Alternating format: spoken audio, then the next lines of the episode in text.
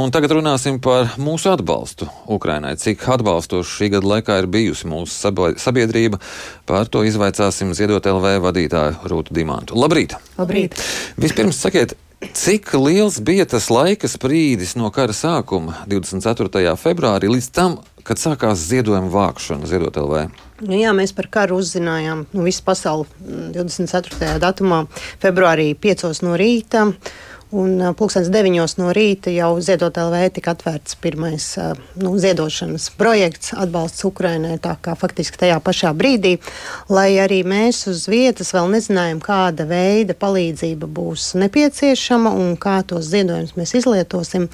Taču tas, ka Latvijas iedzīvotāji vēlējās palīdzēt šeit un tagad kaut ko darīt, nevis vienkārši bezspēcīgi klausīties ziņās, nu, tas parādīja, jā, ka pirmajā nu, nedēļā jau bija pirmais miljons saziedots. Un, Tā ir nu, tāda netipiska situācija Latvijas labdarībā, ka tik ātri cilvēki sniedz savu atbalstu. Bet nu, notikums arī, protams, ļoti traģisks. Nedēļas laikā jau viens miljons. Bet cik daudz kopumā Ziedot LV tagad ir ziedojis jau Ukrainai? Tātad kopā ir savākti jau 19 miljonus ar labdarības organizāciju Ziedot LV. Un, tas, parāda to, ka nu, mm, Latvijas iedzīvotāji un uzņēmumi ir gatavi ne tikai morāli atbalstīt, kas ir ļoti svarīgi, nostāties pareizajā pusē un izteikt savu viedokli, bet arī atbalstīt ir praktiski redzot tās vajadzības, kas ir eh, šeit un tagad, un tās vajadzības vienmēr mainās. Ja kara sākumā tā bija humānā palīdzība, tā kā pārtika un, un, un medikamenti, jo tika pārtraukts apgādes, eh, pasauli baidījās eh, sūtīt kravas uz, uz teiksim, tādu normālā piegādi, ja veiklos nebija arī arī pārtiks pašā sākumā, tad jau situācija, kad visi saka, sabiedrotie redzēja, ka Ukraina ir noturējusies un dzīve normalizējās, tad tā palīdzība sāka nu, vairāk vērsties aizsardzības jomā. Tad vajadzēja palīdzēt teritoriālām vienībām ar, nu, mēs zinām, Twitter konvejs aizsākās. Um, Tika sūtīts dažādas brīvprātīgie eh, apģērbs, vestes, eh, nakts redzamības kameras.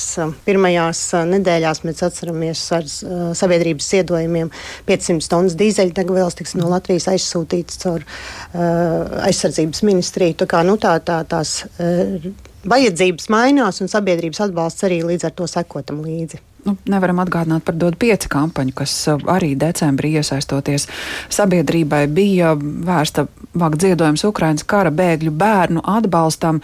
Summa liela 897 tūkstoši eiro. Kas šobrīd notiek ar šiem līdzekļiem? Kāda ir vajadzība, nepieciešamība tos ieguldīt? Jā, tad, tad Latvijas iedzīvotāji uzņēma tiešām tuvu miljonam 900 tūkstoši gandrīz saziedojuši tieši bērniem.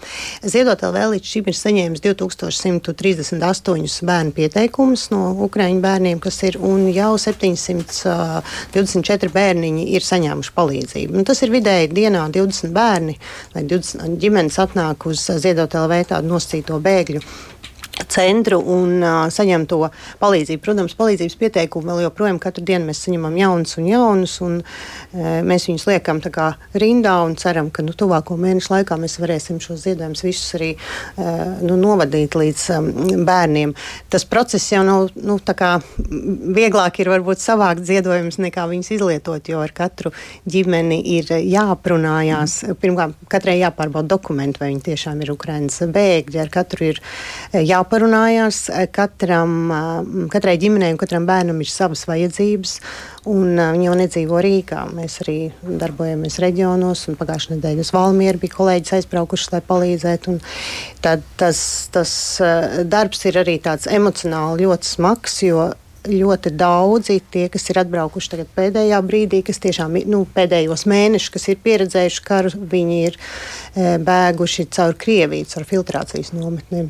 Tas, ko tie bērni ir pieredzējuši, to es nenovēlu nevienam. Un kas ir tas atbalsts, kas viņiem šai kampaņā ir nepieciešams? Nodrošina ir kādas grupas, kur var redzēt kopīgas tendences. Jā, nu, vispēdīgāk visām ģimenēm ir tādā sociālā nodrošinājumā, jo, protams, tās ir nepilnas ģimenes, tās ir sievietes ar bērniem, reti reti, kad ir kāds tēvs līdzi, ja nu ģimene ir ļoti liela.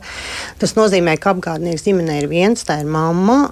Visbiežāk viņi strādā maz atalgotu darbu un sākt jaunā vietā ar minimālo algu un bērniem, kuriem nav nekādi uh, drēbju uzkarājumi no nu, iepriekšējiem gadiem, nu, ir ļoti izaicinoši. Tā ir pat, pati galvenā lieta. Vēl mēs redzam, ka ļoti daudz bērniem no šīs emocionālās traumas e, rodas dažādas e, somatiskas saslimšanas. Ļoti daudziem ir e, nu, neiroloģiskas problēmas, ļoti daudz bieži slimo. Tā ir vēl viena kā, joma, kur mēs šo ziedojumus izlietojam, apmaksājam arī medicīnas, nu, teiksim, medikamentus, to, ko valsts neapmaksā. E, piemēram, bērni, kuri slimo Ukraiņu bērniņu ar autisku spektra traucējumiem. Arī viņiem šeit vajag apaterapija. Arī tas ir mūsu tajā, mm, rūpju lokā.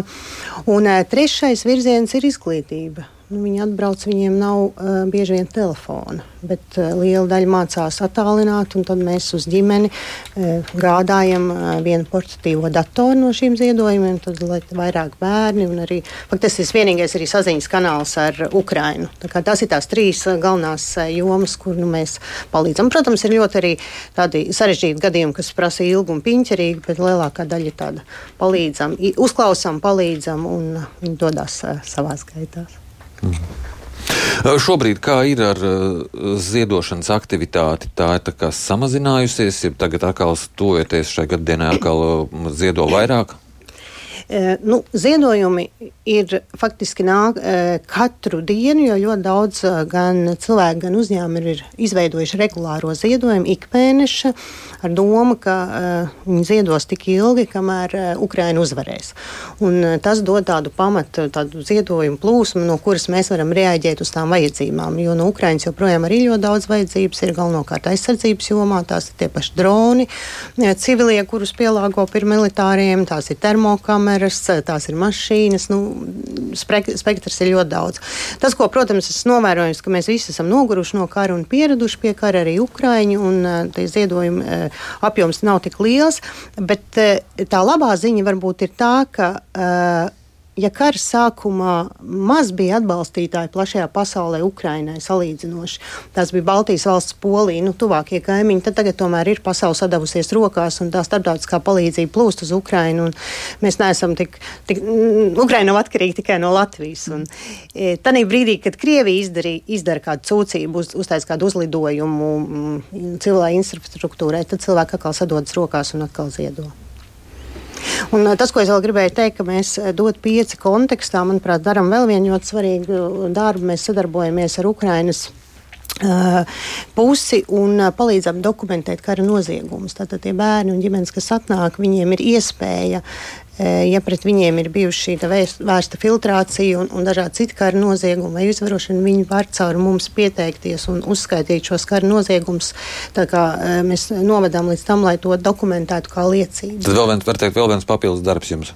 Nu, tas, jā, bet manuprāt, tas arī ļoti svarīgs, jā. lai, mēs, nu, lai vēsture neatkārtos. Un, un, kas ir ļoti svarīgi, tas pašām Ukrāņu ģimenēm ļoti svarīgi, ka viņi grib šo tiesiskumu, taisnīgumu, ka kāds viņus uzklausa un dokumentē, un ka kādreiz arī viņi varēs saņemt tādu tiesisku taisnīgumu.